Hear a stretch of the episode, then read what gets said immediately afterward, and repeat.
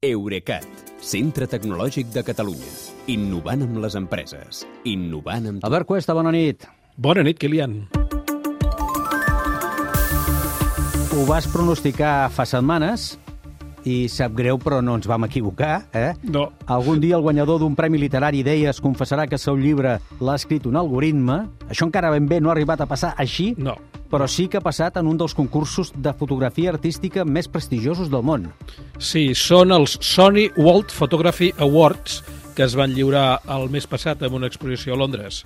L'artista alemany Boris Elgatsen va guanyar amb la categoria creativa amb una imatge que es titula L'electricista, i que és un retrat aparentment fotogràfic de dues dones en un estil que recorda el llenguatge visual i els revelatges de l'anys, dels anys 40 del segle passat i que forma part de la seva sèrie Pseudomnèsia, que són imatges fictícies que diuen recordar un passat que mai va existir. Ja.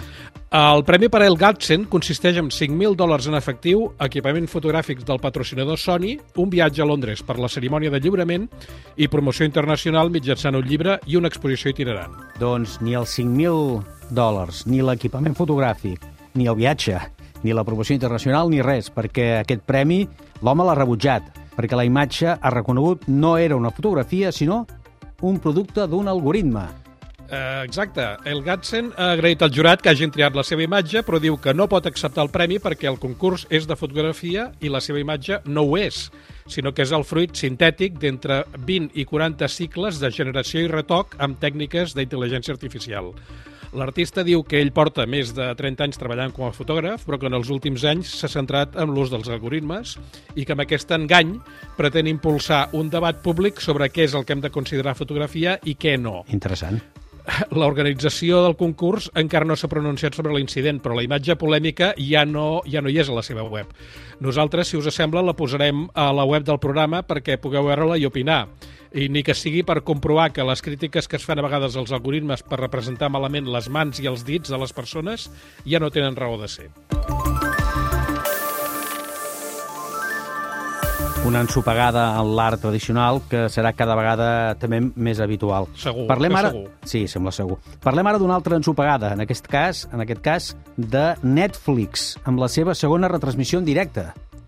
La matinada passada, a matinada hora nostra, Netflix havia anunciat l'emissió en directe d'un programa especial per promocionar l'estrena de la quarta temporada del concurs Love is Blind, l'amor és cec, uh, que és un, un, bueno, un reality d'aquests, un telerealitat uh, de, de cites.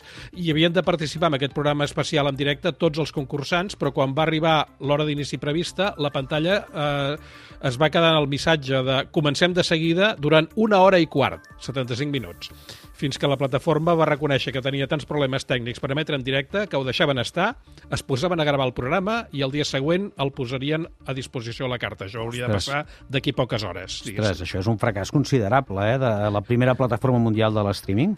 Sobretot perquè la primera emissió en directe de Netflix, que va ser un especial de comèdia amb Chris Rock de protagonista, Sí. va funcionar sense cap incidència el 4 de març. Aquest ridícul de Netflix ara, amb el, amb el segon intent, és especialment dolorós perquè plataformes rivals com HBO Max o Amazon Prime Video o Apple TV Plus i altres, per no parlar de, per no parlar de YouTube, fan habitualment emissions en directe la majoria d'esdeveniments esportius. I tant. Uh, qui ha aprofitat el cas per fer-hi sang és Blockbuster, l'antiga cadena de videoclubs que va fer fallida precisament quan va arribar a Netflix.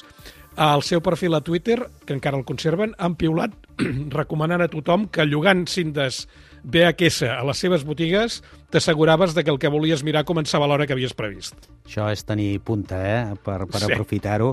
Sí, Eh, sí. Queda clar que Furgar el amb la vídeo... ferida, fu- furgar amb la ferida. Se't diu també amb la ferida, sí. Eh, Queda clar que el vídeo a la carta no és el mateix ben bé que la tele en directe, eh, per internet. Efectivament, és això, sí. Molt bé, gràcies. Demà esperem a l'Albert i a la seva veu íntegres tots dos. Gràcies i que vagi bé. Bona nit. Bona nit, Quilem, fins demà.